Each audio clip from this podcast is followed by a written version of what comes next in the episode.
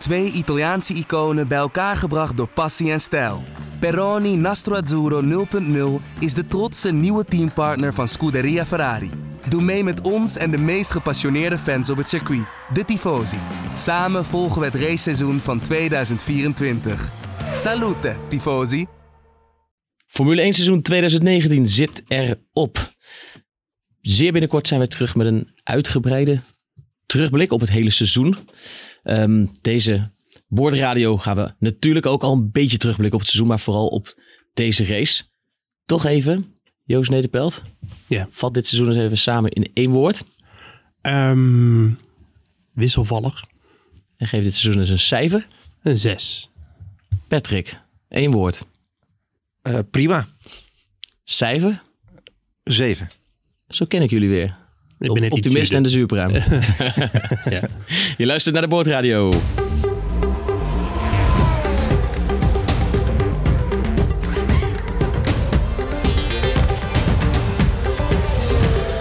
Ja, naar een cijfer voor deze laatste Grand Prix ga ik jullie denk ik maar niet vragen, hè?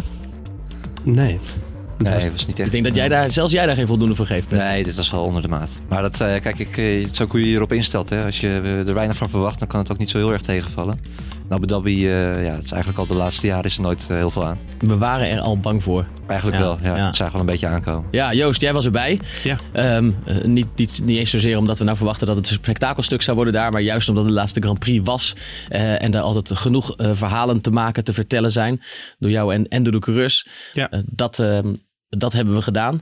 Wat, was nou dat, wat, is het, wat is het meest bijgebleven van eh, de reacties na de race? Ja, dat, dat stuk dat, dat, moet nog maken. Maar ik, ik stond eh, na afloop eh, met meerdere mensen hoor, maar te praten met, met Lando Norris. Ik vond dat wel mooi. een inkijkje in het brein van, van een coureur. Want wij dachten, nou Norris, weet je wel, oké, zijn ze heeft wel meer punten gepakt. Maar in het kwalificatieduel is hij onderling sterker. Ehm 11 tegen 10, als ik me niet vergis. En ehm, die, eh, ja, die was toch helemaal niet tevreden met zijn debuutjaar. En die zei, ja, ik heb in Bahrein mijn hoogtepunt al gepakt. Want, eh, en daarna heeft, is het alleen maar eh, altijd best wel veel pech gehad. Eh, momenten dat het er wel in zat, want het er niet uitkwam.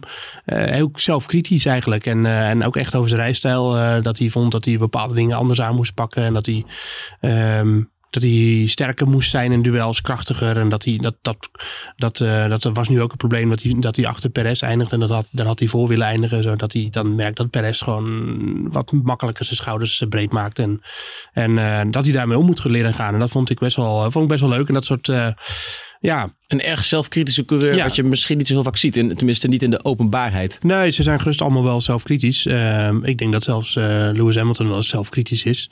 Maar, ehm, maar ja, dat hij dat dan zo zegt. Ja, dat is ook een beetje type Norris. En, en ook een beetje een symbool, denk ik, voor de, voor de nieuwe generatie coureurs. Is hij wel in, in die zin. Misschien wel zelfs het uithangbord qua openheid, qua leukheid. Hè? Want hij is natuurlijk gewoon een gezellige eh, verschijning in de paddock. En een, en een, eh, misschien wel een opvolger van Daniel Ricciardo in dat, dat licht. Want hij is ook een beetje een clown natuurlijk hè, op bepaalde momenten. Dus ehm, ja, dat vond ik dan wel, wel echt goed dat, dat zo'n jonge jongen... dat hij dan na zo'n eerste seizoen daar staat... en dat hij gewoon... eh, hij was echt eh, bijna een kwartier aan het praten. En, eh, en eh, eh, ja, Hij liep aardig leeg. Hij liep aardig leeg. Dus dat was... eh, dat was eh, Ehm, voor ons leuk, want we willen natuurlijk gewoon eh, mooie quotes hebben. eh, maar ook wel interessant om eens te zien hoe zo'n coureur... eh, kijk, je, ik stond ook met, met Romain Grosjean. Zei toch ook van verwachten dat hij misschien hier en daar wat zelfkritiek zou kunnen Ja. hebben. Maar die baalde alleen maar dat ze een slechte auto hadden. En ja, dat was het wel zo'n beetje. lag niet in hem. Nou, dat zei hij niet met zoveel woorden. En hij heeft het ook nog in het Frans, maar mijn Frans is, komt niet veel verder dan Citroën en Peugeot. Heeft hij nog staan praten, dus misschien zei hij daar meer. Maar ja, het, is niet, het, het is een beetje wel, vind ik, de, de jongere generatie eh, die eh, mondig is wat dat betreft. En ook wel open en ja, zover we kunnen beoordelen eerlijk. Dus dat vond ik wel eh, een hoogtepunt. daarvan. Prettig, ja, Ja. Kan, ik me, kan ik me voorstellen. Goed, we gaan het er uitgebreider over hebben zo. Met jou vers terug dus uit Abu Dhabi. Ja, als Klein, mensen kleine denken, jetlag nog. En, en eh, ik dacht net van, het is ook wel een soort eh, mooie symboliek. Laatste race van dit seizoen in het kunstmatige Abu Dhabi. Ga jij zo direct, hè, we nemen dit eh, op, 's ochtends vroeg maandagochtend. Ga je zo direct door naar Zandvoort. Ja. Historische circuit. ehm, waar plannen worden bekendgemaakt, ontvouwd over, uh, over hoe het ervoor staat. Ja. Over uh, wat, we daar, uh, wat we daar kunnen verwachten. De kombocht. Nou, ik ben heel benieuwd. De kombocht, ja. Ik ben, ben vooral bang dat ik in slaap val op de kombocht, maar dat zien we dan wel weer. Goed, Joost Nederpel dus, Patrick Moeken naast jou. Um, vaste, onze andere vaste gast, mijn naam is Daan Smink. Had ik ook nog niet gezegd. Uh, en we gaan eerst even luisteren naar een compilatie van Julien Dom, onze producer van de laatste race van het seizoen. Vanaf de start komt Verstappen goed weg. Maar in de eerste ronde weet de Ferrari van Leclerc hem in te halen. Look at Leclerc breezing past the Red Bull. That wasn't expected there. Vettel probeert het ook, maar Max weet goed te verdedigen en behoudt zijn plek. Ondertussen komt het bericht dat het DRS niet werkt door een technisch mankement. Coureurs moeten het dus even op eigen kracht inhalen. There's a technical problem with the system. Technical problem with the system. FIA. Agreed. Ronde 13, Ferrari. Een dubbele pitstop. Eerst snel Leclerc en daarna direct Vettel. Oh, and he was stationary for way too long. Almost three times as long stationary because they just couldn't get the front left on him. Pech dus voor de Duitser. De DRS doet het eindelijk weer in ronde 18. Bottas zat al die tijd al vast achter Hulkenberg, maar kan hem nu eindelijk met DRS inhalen. In ronde 26 maakt Verstappen een razendsnelle pitstop. Helaas komt hij nog net achter Leclerc de baan op, maar dat duurt niet lang. In de 32e ronde volgt een late remactie van de Nederlander. Verstappen dives down the inside on Charles Leclerc. Leclerc saw him coming. Verstappen broke that fraction later. In een poging om toch nog iets te forceren pitten beide Ferraris nog een keer. Iets dat Verstappen niet was ontgaan. Uh, both Ferraris on a two-stop. Uh, I could hear it behind you.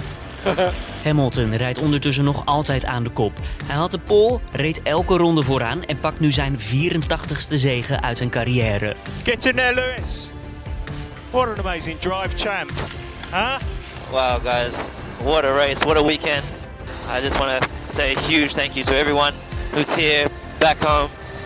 And uh, I got to say, this one's for the fans. Ja, dat was hem. Mooi werk weer, Julien. Uh, het klinkt een stukje spectaculairder in de compilatie dan het werkelijk was, hè? Ja, het was. Uh, nou, het, ik, het is zo gek, want het complex daar is echt fantastisch uh, indrukwekkend. En, uh, maar de races zijn gewoon meestal saai. En dat komt vooral omdat Mercedes natuurlijk heel dominant is. Want ik denk dat het niet altijd per se aan het circuit ligt. Ik wilde het net zeggen, ligt het aan het circuit? Want dit seizoen en ieder seizoen hebben we wel meer saaie races ja. gezien. Die op spectaculaire circuits, tenminste op circuits werden verreden. Waar ook vaak spectaculaire races zijn gehouden. Ja, alleen je moet ook wel weer concluderen dat hier niet heel vaak uh, spectaculaire races zijn gehouden. Ik bedoel, kan jij iedereen herinneren? Nee, nee, alleen als er een titel op het, uh, op het spel stond, uh, ja. dat het nog vaak iets, uh, iets goed maakt. Hmm. Maar puur de races op zich, nou nee, niet echt eigenlijk. Patrick, is, is de enige reden dat hier dan elk jaar afgesloten wordt puur geld? Is dat echt de enige cynische reden? Ja, ik denk het wel. Ik hoorde laatst iemand zeggen dat, uh, ik weet niet meer wie het was, maar dat dit circuit eigenlijk gewoon te perfect is. Hè? Het is allemaal net te mooi in elkaar gezet. Uh, het, het, asfalt is net even te glad. Alles ziet er net even te mooi uit. Ja, het is, uh, het is heel erg jammer om hierop af te sluiten. Zeker als je dan uit Brazilië komt, waar we echt een fantastische race hebben gezien. En wat ook echt een, een fantastisch circuit is. Met, met fans op de tribune, want dat ook nog eens. Dus je, er zit helemaal niemand het hele, het hele weekend. En als mensen Heb je zitten... geteld? Uh, kon je ze tellen, Joost? Nou, ik vond dat vind ik wel een beetje tegenspreken hoor. Dat was dat, inderdaad. Op, nou, alleen op zondag dan. Op, op zondag, maar op vrijdag ook wel. Want vrijdag is voor in Abu Dhabi is dat voor de lokale inwoners, daar is dat de zondag. Dus dan was het ook nog wel, nou, druk wil ik niet zeggen, maar toen waren er veel locals. Die waren allemaal vrij. Uh, ja, ja, en toen was er ook een concert nog van, oh nee, dat was op zaterdag trouwens. BZN? Nou, ja, BZN. Ik zat vrijdag de trainingen te kijken, ja, er zat nee, gewoon niemand op de tribune hoor. Het was niet, het was niet heel druk. Nee, ik, ik heb veel drukkere Grand Prix uh, bezocht. Uh, maar zondag waren er waren best wel veel Nederlanders. En zondag zaten de tribunes zaten wel redelijk vol. Hoeveel, hoeveel man komt er dan op af op zijn zondag? Ja, weet ik niet precies eigenlijk eerlijk gezegd. Maar uh, en wat ik wel weet is dat er de zaterdagavond dus was er nog een concert van Lana Del Rey. En zondagavond was er nog een concert van de Killers. En daar stond het wel helemaal vol. Dus, ja, maar die mensen die komen allemaal voor de, voor de randzaken natuurlijk. Voor de entertainment, ja. En dat is misschien ook wel een beetje... Ja, voor de luchtshows. Ja, geweldig. Ja, het zag, het zag ja, vrij plaatje. Dat was helemaal ja, ja, ja, dat was, uh, ging ook Joost, die ging, uh, was aan het genieten, zag ik. Ja, nou ja, ja, ja ik vind dat altijd, uh, ik ben uh, vliegtuigliefhebber, dus ze pakken daar wel mee uit. Ik moet zeggen, in Melbourne is altijd een straaljager, die vind ik nog net even, dat is net even mooier, maar ik hou toch wel iets meer geweld. Maar ja, nee, het is, het is voor de rest, dat is het hele, het complete plaatje klopt, alleen de race klopt gewoon meestal niet. Het best een belangrijk onderdeel dat van is het toch best wel een significant onderdeel, ja. dus uh, ja, dat is, of ze dan, ja, Hamilton zei ook al van, moeten we dan een keer hier wat aan het circuit ver, veranderen, want het inhalen is uh, echt moeilijk. Het is, um, Het is echt moeilijk om, eh, om elkaar te volgen op, op, op, eh, op eh, ehm, ehm, Marina Circuit. Jas Marina. Dus ja, dat, dat is het grote probleem. Elkaar volgen, vooral in die derde sector. En dan komt ook nog eens bij dat Mercedes natuurlijk zo sterk is. Want ja, in de kwalificatie wonnen ze volgens mij 16e terug op de Ferraris in, in de derde sector. Je kan ook zeggen, Ferrari is heel slecht in de derde sector. Want Red Bull kon Mercedes redelijk bijhouden daar.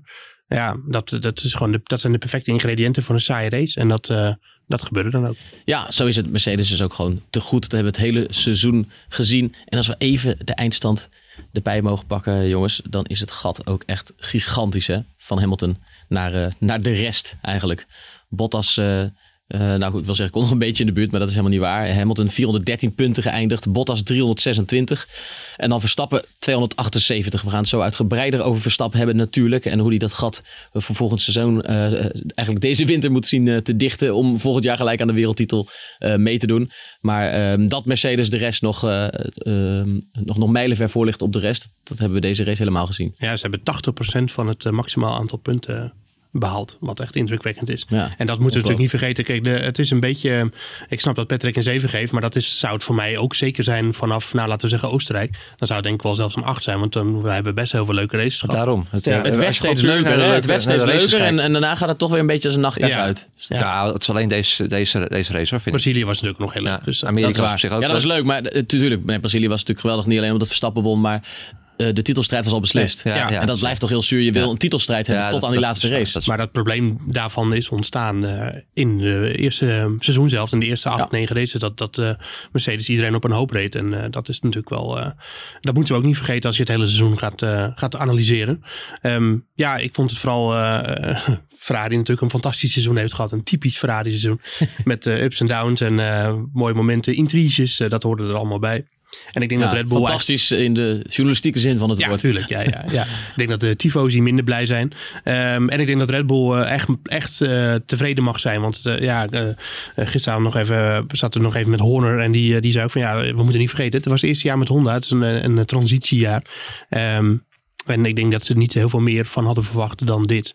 Misschien, ja, Marco die had het over vijf races. Nou, dat heeft Horner winnen. Dat heeft Horner nooit gezegd. Maar eh, Ik denk dat, ik sluit niet uit dat Horner het seizoen wel een 8 geeft. Ja, dat denk ik ook wel, ja. Honda was natuurlijk ook jarenlang een, een drama. à la Renault qua motor.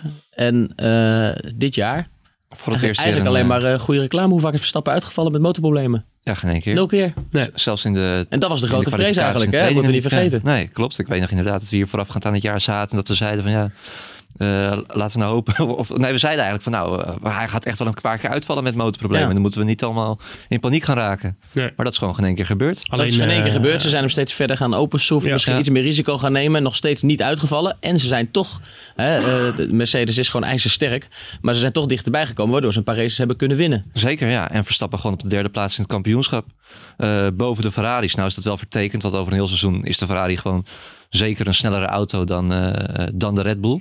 Maar dat, eh, ja, ik denk dat Red Bull eh, veel dichterbij zit nu in Abu Dhabi dan ze in de afgelopen jaren op dit punt waren. Ja, kortom, Ferrari heeft in de strijd met Mercedes een veel groter probleem dan Red Bull.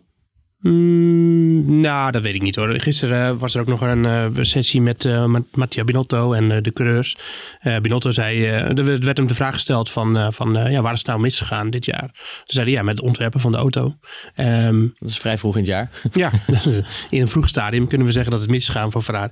Ze hebben gewoon natuurlijk de, de verkeerde keuze gemaakt in het begin. Of tenminste, dat pakte verkeerd uit dat die auto in de rechte lijn heel snel ging, maar niet goed door de bocht ging. Met alle omstandigheden die daarbij komen, dat de banden sneller slijten, et cetera.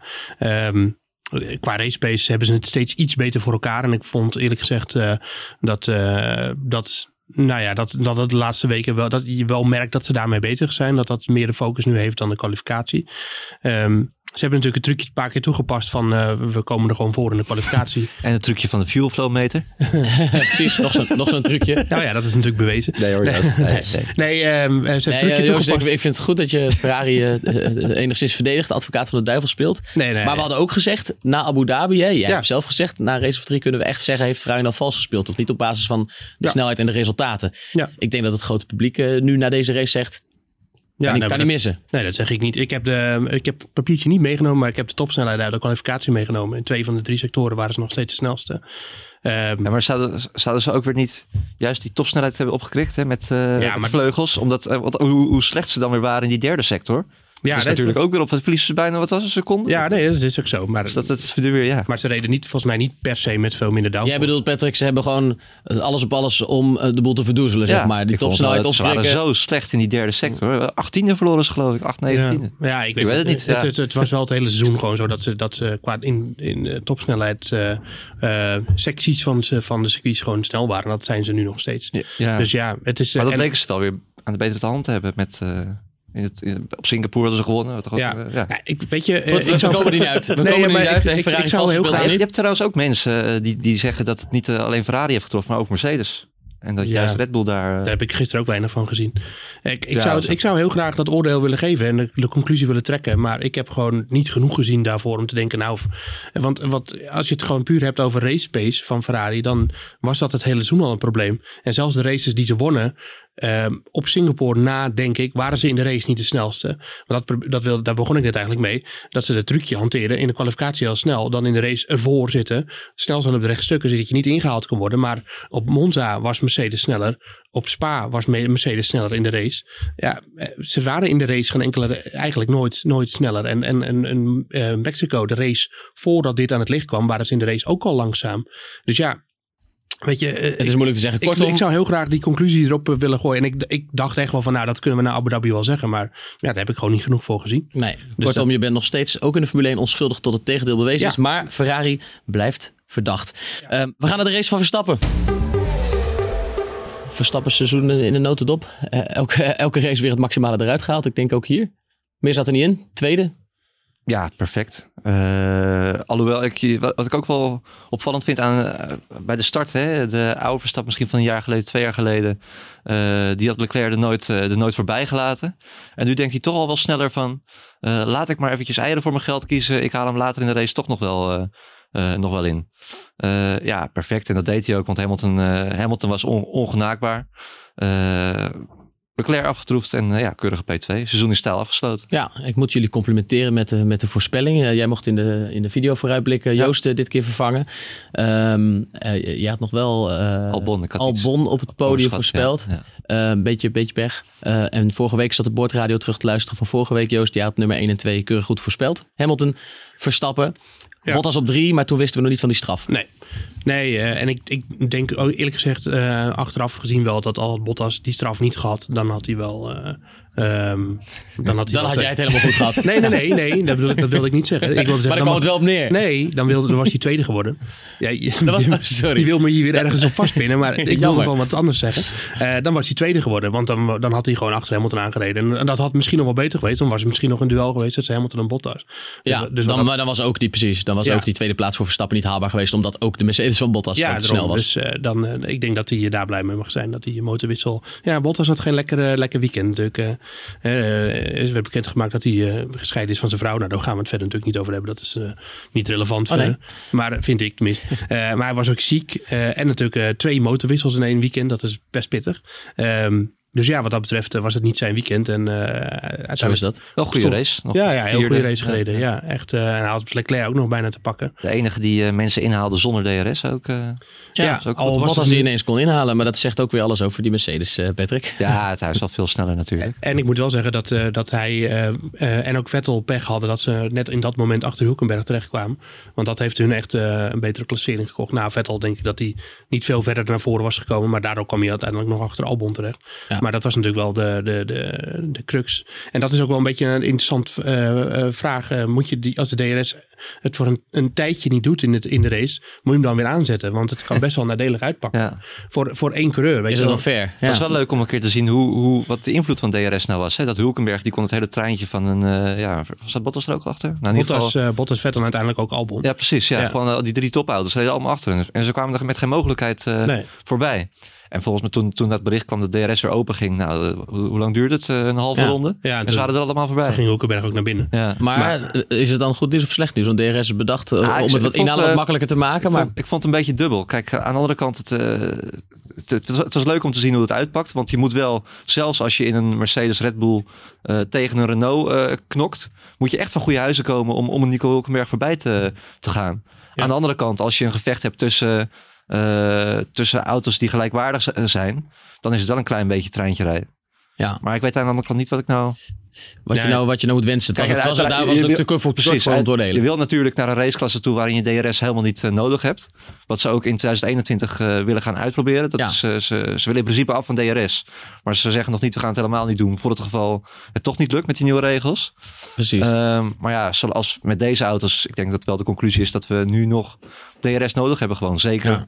op circuits waar het nog lastiger goed, is als, als inhalen straks makkelijker is en de auto's liggen qua snelheid dichter bij elkaar, ja, dus dan, moeten zou, zou het snel natuurlijk zonder. Ja, maar je tuurlijk. krijgt er wel heel andere races van. Ja. Want dat, Ja. dat zag je nu meteen inderdaad. Wat Patrick zegt, Bottas kwam er gewoon niet voorbij. En eh, dan strategisch moet je races heel anders gaan indelen. Want nu rekenen ze gewoon zo van oké, dan kan Max die Renault terecht op zijn oude banden. Maar daar kachelen we zo voorbij. Lukt het niet. Ja, dat, is, dus in dit, dat wordt gold dan vooral voor Vettel. En dan zat Bottas er nog tussen. Ehm, ja, dat pakt dan toch heel anders uit. En, maar dat vind ik dan vooral het vraagteken. Moet je hem dan weer aanzetten? Omdat je dan eh, bepaalde coureurs worden dan gehinderd daarin. Eh, eh, dat, je, dat die dan even niet DRS kunnen gebruiken. En later maakt een ander een pitstop. En dan doet DRS het wel weer. En die kachelt er zo voorbij. En dan, ja, dan heb je, Ja, heb je je een heel groot voordeel. Ja. Dus dat, is, eh, dat is, vind ik ook nog wel een vraagteken. Die we overhouden aan deze race. Ja, zeker. Eh, terug naar Verstappen. Had eh, Red Bull tactisch qua strategie nog iets anders kunnen doen om Verstappen dichter bij Hamilton te brengen? Nee, er was ook maar één strategie. Hè. Eén stop was eh verreweg het snelst. Eh, nee, het had helemaal geen zin. Hamilton reed al wat, eh, volgens mij eh, 12, 13, vers- 13 seconden voor voordat Verstappen zijn eh, pitstop maakte. Nee, het was, er was echt niks anders Het was dus precies waar we vooraf al voor vreesden. Ja. Als Verstappen Hamilton in de eerste bocht eh, niet Ja, pakt, ja. dan is het eh, einde Ja, verhaal. ja. En dan verdwijnt hij aan de horizon. En dat gebeurde. Ja, en eh Verstappen kwam op zich redelijk weg. Maar ehm, ja, ging in die hairpin eh, voor het opkomen van het rechtstuk ging hij iets te wijd. En toen kon Leclerc hem pakken op topsnelheid. Ehm ja, het was gewoon wat dat betreft... Die Gasly ook trouwens, ik even te kijken. Maar die heeft het eerst, dus in de eerste ronde had hij zijn voorvleugel er, eh, eraf gereden. Die is gestopt en die heeft gewoon 52 rondjes doorgereden op die harde band. ja, Prima, niks aan de hand. Het Gewoon in de eerste ronde gestopt en eh, ja, klaar. ja. Nee, en dan, eh, maar dat zegt ook wel wat over Ferrari. Die natuurlijk ook snel naar de harde band gingen. En dan uiteindelijk even goed nog teruggingen naar de andere banden. Ja, klopt. Ja. Dus eh, die hadden dan ook wel echt te maken met heel veel bandenslijtage, denk ik. Ehm, ja, maar voor Verstappen was het eigenlijk ook al klip en klaar dat, eh, dat Leclerc zou die gewoon weer terugpakken. Zeker toen ze al zo vroeg naar binnen gingen. Dus ehm, ja. wat En toch, hè, Het was, het gewoon geen strijd uiteindelijk. En dat is gewoon heel erg jammer.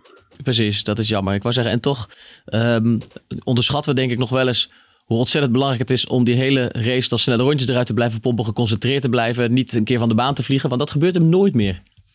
Nee, nee. Door is- eigen toedoen. Nee, zeker niet. Nee, hij is, eh Christian Horner zei het eh, zelf ook na afloop. Dit was wel zijn beste seizoen eh, tot nog toe. En ik denk dat hij daarmee prima, prima samenvat. Ook als je kijkt hoe die Leclerc weer eh, inhaalde. Hè? Nog, gewoon met een fraaie inhaalactie. Prachtig gepareerd. Waarbij hij ook nog tijdens zijn inhaalactie dusdanig weer uitkomt. Dat hij, dat hij Leclerc weer een blok zet. Dat hij hem niet kan pareren. Ja, dat was echt weer fenomenaal. Ook dat was eigenlijk het enige hoogtepunt van deze race. Gewoon die inhaalactie van, eh, van Verstappen. Ja, ja, misschien wel het enige hoogtepunt, ja. Ehm, en de WK-stand zegt wat dat betreft eh, eh, ook alles, hè. Want, laten we eerlijk zijn, over het hele seizoen gemeten was de Ferrari toch een betere auto dan Red Bull. Ehm, Ja. over, de, over de hele wel. Kwalificatie nee, maar en kijk, race. kijk, maar kijk dan even naar de stand. Maar- hè. Verstappen kwali- 278 Ja, ja, ja. punten, Leclerc 264, Vettel 240. Als we bij Verstappen blijven, dan zegt dat eh, alles. Ja. Dat zijn auto over het hele seizoen gemeten iets minder was. Misschien niet veel minder, maar iets minder dan de Ferrari. En dat hij eigenlijk ruim voor de beide Ferraris het seizoen beëindigt. Maar, maar ik wilde alleen zeggen, eh, kwalificatie en race bij elkaar zeker. Eh, als je alleen naar de races kijkt, dan denk ik dat het niet heel veel scheelt. Nee, Omdat de race pace van Red Bull eh, over, over veel races... ook- Ik denk dat Ferrari wel iets sterker was, maar over veel races ook best wel... Daarom zei ik ook iets sterker. Dus Ja, we ja. zijn het eens. Ja. Maar als je, als je kijkt naar hoeveel moeite Albon en Gasly in die Red Bull eh, hadden. Ja, Dan zou je ook kunnen zeggen dat Verstappen er gewoon veel meer uithaalt dan, eh, dan erin zit. ja Want als, ze echt gelijkwaardig zouden zijn, dan zou Albon op een goede dag wel eens met een. eh, of, of Gasly, ja, Gasly is misschien iets ander verhaal. Maar dat hij, dat hij wel wat vaker bij een, eh, op, op zo'n circuit bij een, bij een Ferrari in de buurt zit. Ja. Maar ja, dat was gisteren ook weer niet het geval. Nee, want we zijn hier een paar keer, nou ik wil niet zeggen lovend, maar ja, best wel positief geweest over Albon. Maar dat was eigenlijk vooral ten opzichte van zijn voorganger Gasly en Ja. niet zozeer ten opzichte van Verstappen. Nee, nee, nee het, het schat is nog steeds te, te groot. Dan moet ik wel zeggen, ja. Ik, Verstappen laat nu wel echt zien dat hij echt exceptioneel is. En dat, dat het als, zeker als rookie niet makkelijk is om, eh, om, om zijn teamgenoot te zijn. We hebben in eerdere jaren, vorig jaar bijvoorbeeld, niet dit seizoen, maar vorig seizoen eh, geconcludeerd dat niet altijd de, de allerbeste auto eh, won. Hè? Toen werd Hamilton wereldkampioen, toen ook al. Ehm, terwijl dat eigenlijk Vettel gezien de Ferrari had, had moeten worden of had kunnen worden. Hè? Die hebben het toen laten liggen. Dat is het goede nieuws, denk ik, als je naar volgend seizoen kijkt. Ehm, het kan natuurlijk zijn dat de Red Bull nog steeds minder is dan Mercedes. Maar als ze er heel dicht tegenaan zitten en iets minder zijn, Tuurlijk. en het zit een beetje mee, dan kan de combinatie van die Red Bull en het talent van Verstappen misschien wel al de wereldtitel helpen. Zou, is dat ook waar, denk je, Horner en Verstappen zelf hun hoop uit putten? Dat ze weten dat de auto niet per se de allerbeste hoeft te Ja. zijn? Ik denk dat als, eh, als eh, Verstappen binnen schootsafstand zit, continu bij Mercedes, dat hij, ehm, dat hij, dat, dat weten ze bij Mercedes ook wel van, nou, dat is een factor om rekening te houden. Kijk, eh, Ferrari zat eh, de heel veel races dit seizoen ook, maar die, ja, die verkloten het op veel momenten ook gewoon zelf weer met rare pitstops, slechte strategieën of rijdersfouten. En dat, en dat doet Verstappen niet. Dus je, je weet gewoon dat als, als, als hij volgend jaar steeds ergens binnen 1 tiende, 2 tiende van de Mercedes zit, dan, dan wordt het gewoon een heel, heel leuk seizoen. En het grote verschil tussen die Ferraris is ook, die hebben nog elkaar als concurrenten. Kijk, Verstappen is gewoon de, de aangewezen man eh, bij Red Bull. Ja. Die pakt alle punten bij Red Bull die, die er te pakken zijn. Eh, en Vettel en Leclerc snoepen elkaar ook eh, punten af de hele tijd. Wat gunstig is voor Verstappen. Zeker. En ja, dus daar heeft hij absoluut een, eh, een voordeel bij. En Albon gaat Verstappen volgend jaar niet opeens bedreigen. Of zo. Nee, zeker niet. Kijk, moet wat dat betreft is het ook wel, want als je dus kijkt naar ehm, Albon en eh, eh, Gasly, die dit seizoen instapten bij in een topauto. En die hebben heel veel moeite om Verstappen bij te houden. Dat vind ik dan ook nog weer de prijs aan Charles Leclerc. Die naast Vettel instapt. Kun je van zeggen wat je wil. Maar het is nog steeds de viervoudig wereldkampioen. En die eh, is gewoon sterker dan Vettel gebleken dit seizoen. Dat vind ik, ik wil wel nog even prijzen ook. Dat, dat Leclerc echt een heel goed seizoen heeft gehad. Met, Mede door Leclerc is het, eh, hè, de, die, voldoende geweest. en die zeven hebt uit kan Patrick, dat is, is ook voor een deel aan Leclerc te danken. Ja, ja zeker. Nee, het was, was een hele leuke race gezien. Maar daarop terugkomend, ik eh, vraag me wel af. eh, eh, stel, ze hadden Rijkonen nog gehouden en Leclerc een, een jaartje in een, in, een, eh, in een Alfa laten zitten. Dan had je wel de situatie gehad dat Vettel alle punten had gepakt die er voor Ferrari te winnen eh, zijn geweest. Nu wil ik niet zeggen dat eh, Ferrari Leclerc niet in die auto had moeten zetten. Zeker niet. Eh, want het is juist goed om op deze leeftijd al te, eh, eh, aan, de, aan de top te laten ruiken. Maar ja, het, het, het kampioenschap had misschien wel iets spannender Ferrari heeft eruit zichzelf misschien een beetje in de vingers gesneden. Ja, misschien wel. Ja. Hmm, ja. Nou ja, Wel, het, was wel, het was zelf- wel een heel hectisch seizoen natuurlijk. Als je Ja, kijkt, wel, eh, maar ja. Vanuit Ferrari perspectief zeker, maar Vettel heeft het soms ook natuurlijk gewoon zelf laten liggen. zeker, Los van Leclerc. Zeker. Maar Leclerc tegelijkertijd, te- te- tegelijk- tegelijkertijd ook. Die heeft ook wel foutjes gemaakt. Het is, eh, ja, ze, ja, ze hadden gewoon geen aangewezen kopman. Anders dan ze altijd wel hebben, hebben gehad. En ja, dat, dat, dat kost ook punten. Ja, maar je kan ook oordelen dat, eh, dat Leclerc, eh, dat het lang duurde voordat Vettel dat oppakte. Maar dat Vettel in de tweede seizoenshelft wel eh, veel beter is geworden. Eh, en ik denk dat dat ook wel te maken heeft met de druk eh, die erbij komt waar. dat hij naast Leclerc reed. Je kan ook... Ja, Dus je, je, ja. je kunt elkaar ook stimuleren door naast Ja. elkaar rijden. Of bij elkaar in één team te- heel goed te zijn. Dus ja, het is altijd lastig. En kijk, eh, tuurlijk heeft Mercedes dat anders voor elkaar. En tuurlijk heeft Bottas in het begin ook geprobeerd om wat te doen tegen Hamilton. Nou, dat, Nee, maar dat, dat verschil is zo groot. Bij dat Mercedes weten ze gewoon, we hebben een eerste en een tweede coureur, al, al zeggen ze dat niet. Nee. Dat Bottas nooit over een heel seizoen Hamilton... eh, Zoals ze dat bij Red Bull eh, hebben. Ja, zeker. Ja. Ja. Goed, we gaan naar Joost mag het weten. Box, box, box, box. Ja, Joost, we koppelen hem deze keer aan een, eh, aan een lezersvraag.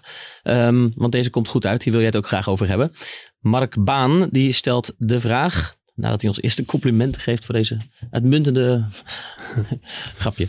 Ehm, ik zou graag een vraag willen stellen. Coureurs klagen vaak over dat ze in vuile lucht rijden en dan minder snel en minder stabiel worden. Een slipstream daarentegen geeft een groot voordeel. Eh, zouden jullie mij het verschil tussen de twee fenomenen kunnen uitleggen? In beide situaties zit je achter een andere auto, dus ik begrijp iets niet. Ehm, ja, eigenlijk is vuile lucht en een slipstream hetzelfde. Ehm, want het is allebei rijwind van de, de auto die voor je rijdt, die verstoord wordt. Ehm, eh, alleen, en dat zie je natuurlijk ook op, eh, in Abu Dhabi, is dat, dat heel duidelijk zichtbaar. Want je hebt twee lange rechtstukken waarbij je graag achter een andere auto wil rijden. Maar zodra er dan een bocht op doet, opdoemt, dan, ehm, nou, dat zeg je heel simpel uit te leggen. Je hebt de vleugels, je hebt de aerodynamica en die zorgen ervoor dat de auto op de grond wordt gedrukt. En in de bochten wil je juist dat dat gebeurt. Want dan kun je harder door de bocht heen, want je hebt meer grip op het asfalt. En dat wordt verstoord als er een auto voor je rijdt, want dan is de lucht niet stabiel, zeg maar. Dus Mhm. dan komt er heel erg veel wervelingen komen er op je auto af. En die zorgen ervoor dat jouw vleugels niet goed functioneren. Maar op het rechtstuk wil je dit downforce eigenlijk niet. Eh, want dan wil je juist zo- zo'n hoog mogelijke topsnelheid. Eh, en dan is die downforce, houdt dat eigenlijk alleen maar tegen. Dus eigenlijk is dat natuurlijk ook het concept van DRS. Dat je die achtervleugel openklapt. Dan is er minder downforce. Nou, dan gaat hij harder. Eh, minder drag ook. Dat is dan eh, luchtweerstand. Ehm, dus ja, het is eigenlijk hetzelfde. Alleen in de bochten wil je het wel. En op de rechte stukken wil je het niet. Dus op de rechte stukken is het een voordeel. En in de bocht is het een nadeel. Dus ja, het is, het is eigenlijk hetzelfde principe. Alleen ehm, werkt het eh, op het ene moment tegen je. En op het andere moment in je voordeel. Dat is eigenlijk alles. Helder. Helder. Eigenlijk zou de kleur... Jij eh, wist dit al, maar denk je dat Mark Baan het zo eh, hier genoeg meeneemt? Ik denk het wel. Ja, nee, zeker. Joost eh, altijd. Hè. Je ligt altijd keurig uit. Eigenlijk zou een coureur het liefst op, de, op het rechtstuk zijn vleugels eraf willen halen. En, en ze dan vlak voor de bocht weer opzetten. Maar dat, eh, dat mag natuurlijk niet. Maar eh, dat is een beetje het idee. Laten we doorgaan gelijk met de andere lezervragen van de fanzone.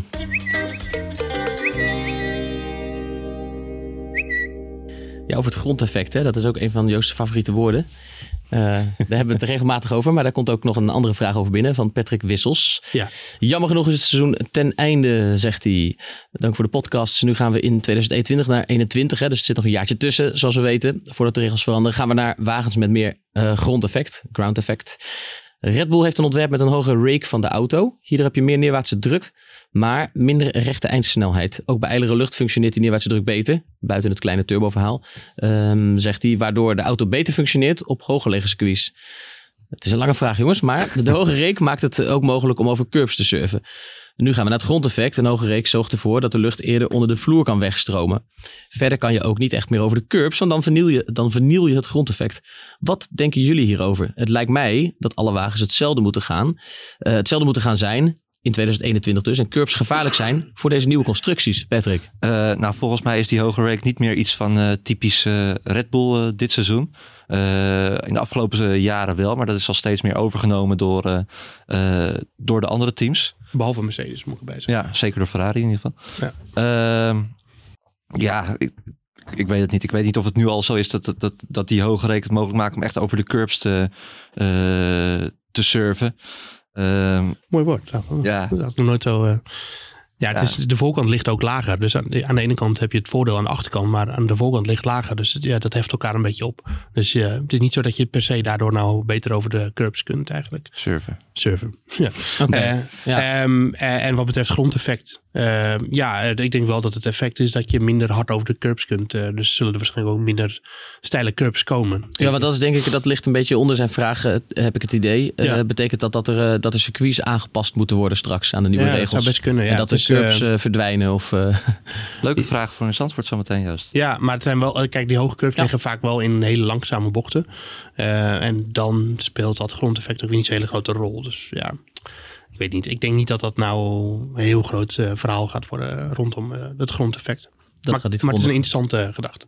Joey Peters is benieuwd. Die heeft een vraag over Verstappen. En, en, en ook over Albon. Want hij zegt... ehm, eh, eh, waarom zijn zij zoveel langzamer? Waarom is Albon verlengd? En zou Verstappen inspraak hebben wie zijn teamgenoot is? Eh, om het WK te winnen, zegt hij erbij, is in mijn ogen een sterkere teamgenoot nodig. Nou, we hadden het net een beetje over Ferrari. En of dat nou voordeel of een nadeel is, dat Leclerc en Vettel elkaar, eh, elkaar stimuleren om harder te gaan, maar ook punten afsnoepen. Hoe is dat bij, eh, bij Albon? Ik denk dat Albon op het niveau van Bottas moet zien, zien te komen. Als hem dat lukt, dan heeft Verstappen zijn ideale tweede man. En ja, kan die echt belangrijk zijn in, de, in de titelstrijd. Op deze manier is het echt toch wel te groot. Ook in de race zit hier gewoon eh vijf zestiende per ronde achter. Ehm, ja, hij zit wel iets dichterbij dan Gasly, maar hij moet uiteindelijk dichterbij komen. Hij moet de Bottas worden van Red Bull. En dan heeft eh, Verstappen ook zijn wingman eh, Ja, zeker. pakken. Nu moet ik wel zeggen, kijk, het is wel k- knap eigenlijk dat Albon nu al zo redelijk goed is. Omdat hij halverwege dus is ingestapt. We moeten niet vergeten, dit is pas Albons eerste jaar in de Formule 1. Dus wat dat betreft ja, heeft hij het echt ontzettend goed gedaan. Ehm, ik denk dat we pas vanaf volgend jaar hem echt mogen gaan eh, beoordelen als, een, eh, als de echte top Red Bull eh, coureur. Precies, we zeiden eerder al dat die Red Bull nu helemaal op Verstappen's wens is afgestemd. Precies, ja. Dat zal volgend seizoen misschien een beetje anders zijn. Of Albon is er in ieder geval meer bij betrokken straks. Ja, ja hij gaat uh, de testdagen mee. Joost schudden, ja natuurlijk blijft het om Verstappen draaien, ja, snap ik Joost. Maar toch. Ja, nee, ik denk dat hij wel uh, wat input uh, zal krijgen. En dan vooral meer hoe zijn auto afgesteld gaat worden. Het is best logisch ook dat Albons contract verlengd is op basis van wat hij tot nu toe heeft laten zien. Zeker, ja. En wat, aan de andere kant er was ook weinig anders voorhanden, dus ze moesten ook wel. Ja. ja. dus je bent het er niet per se mee eens dat Joey Peters zegt, moet hij niet, hij moet wat mij betreft een sterkere teamgenoot uh, hebben. Nee, nou ja, wie zou dat dan zijn? Hulkenberg is beschikbaar, maar of, of, of hij nou het vuur aan de schenen gaat leggen, dat weet ik ook niet. Nee. Ja, nee, ik weet het niet. Ik vond het, lo het logisch dat Albon is verlengd. Albon moet uh, de Bottas worden van Red Bull. Is jouw conclusie. Duidelijk. Ja, en meer vragen gaan we in de volgende podcast dus beantwoorden. Uh, met ons jaar, jaaroverzichtje, terugblik op het, uh, op het jaar, jaar de Boordradio. Vragen kun je daarvoor natuurlijk ook nog steeds uh, insturen via Twitter, de Boordradio of via podcast.nu.nl. Laat, het ons vooral, laat het ons vooral weten, want het seizoen is wat ons betreft nog zeker niet voorbij. Nee, elf, elf, weken is het, Patrick, geloof ik. Elf weken, voor de, ja, voor de wintertest. En daarvoor hebben we alweer de presentaties in Donkere januari. maanden.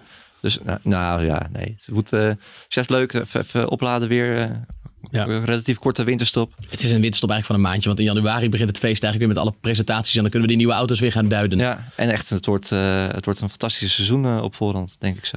Ja, zoals ik me nu voel uit een nachtvlucht uit Abu Dhabi, dan uh, heb ik wel even zin om een tijdje heel even geen Formule Even bij te denken. Even bij te denken. En dat zeg je terwijl je zo direct doorgaat naar Zandvoort. Ja, maar dat is uh, even lekker uitwaaien en uh, dan gaan we even kijken wat ze daar allemaal aan doen zijn. Gelijk heb je. In ons ja. jaaroverzicht natuurlijk ook meer met een schuin oog blikken we natuurlijk dan ook vooruit op volgend jaar. En dus ook op Zandvoort. En dan zijn we daar ook weer wat wijzer van, want dan heeft Joost zijn bezoek aan Zandvoort ook achter de rug.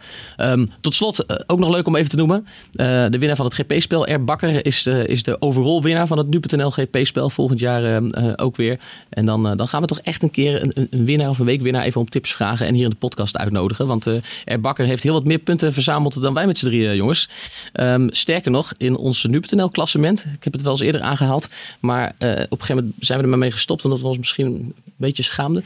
Want de nummer 1, Frank van der Vlucht, onze zeer gewaardeerde eindredacteur, die stiekem best wel een hekel heeft. Nou, niet eens stiekem. Best wel openlijk een hekel heeft aan de Formule 1. Hij zegt hij, maar volgens mij kijkt hij wel gewoon. Hij heeft die heeft gewoon gewonnen, hè? Ja. Hij heeft overal een hekel aan. Ja, ik heb niet zo hij, wat hij nou Misschien laten we hem volgende keer ook nog eventjes aanschuiven. Of, of pakken we een, mm, nou, leuke, prik, prikkelende quote waar... Uh, ja, hij vindt het vreselijk, dus dat moeten we vooral doen. Dan moet de luisteraar echt geen plezier. Uh, ik denk er nog even over na. Ja. In ieder geval bedankt voor nu mensen en bedankt voor dit Formule 1 seizoen. Fijn dat jullie luisterden. Algemene feedback, uh, suggesties, tips zijn natuurlijk via dezelfde kanalen ook altijd welkom bij ons. Daar worden we beter van. Um, bedankt voor nu en tot gauw. Dag.